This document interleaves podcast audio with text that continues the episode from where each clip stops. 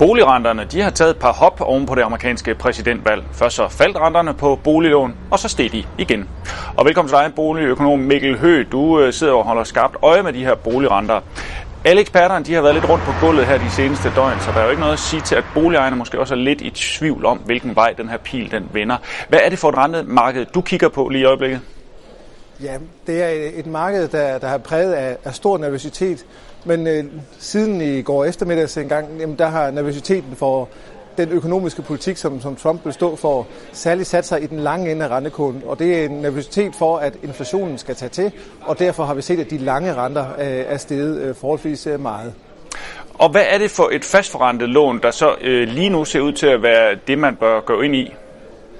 Ja, lige nu så er det de fastforrentede lån med, med 2,5 procent i, i rente over 30 år, som øh, er de mest øh, hvad skal man sige, attraktive øh, lån rent kursmæssigt øh, lige nu. Og nu skal man jo øh, måske specielt i de her tider passe på med at spå alt for meget om fremtiden, øh, men altså, hvor store bevægelser ser du forud på, på boligrenterne? Ja, det er, det er meget svært at, at spå om. Øh, generelt er det jo svært at spå, men, men lige nu der er der tilført markedet enorm usikkerhed. Vi har dels noget usikkerhed fra, fra Storbritannien omkring uh, Brexit, og vi har også det her usikkerhed så om, hvad er det for en økonomisk politik, uh, Trump han vil uh, føre. I første omgang så har det så manifesteret sig i uh, nogle, nogle lavere renter helt nede i den korte ende kurven, og så de her pæne hop i, i den lange ende af, af kurven. Det viser, at der er en enorm øh, bevægelse i, i, i markedet nu, og man skal finde nogle ben at stå på. Og, og de ben de, og, og temaerne i markedet, jamen de kan ændre sig øh, hver gang der kommer en ny fli af en større nyhed. Men som boligejer, så er det jo svært at forholde sig til, at der sker en masse ting øh, den ene dag og den anden dag. Og hvordan skal man som boligejer forholde sig til alle de her øh, nyheder? Jamen i virkeligheden så er bevægelserne på de finansielle markeder jo nogle gange lidt hysteriske, og det er de særligt, når, når vi er ude af komfortzonen, som vi er i øjeblikket. Så derfor synes jeg egentlig, til boligejerne er et godt råd.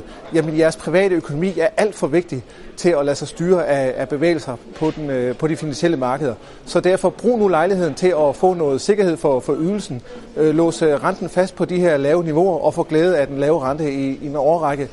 Det, de seneste dages øh, store bevægelser viser netop, hvorfor at det kan være vigtigt og en god forretning. Nu skal vi jo sådan boligejerne over i en kamp, men altså, de står tit i mange forskellige situationer. Nogle har fast rente, andre rentetilpasning, nogen står lige over for en refinansiering osv. Er der nogle boligejere, der skal være særligt opmærksomme i øjeblikket?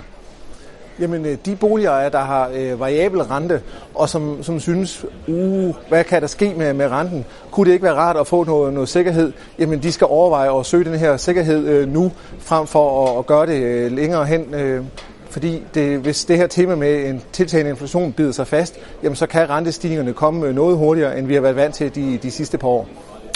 Tak for det overblik, Mikkel Hø. Og hvis du vil se lidt mere om, hvad det koster at låne til drømmeboligen, så kan du gå ind på jyskebank.dk eller på brf.dk.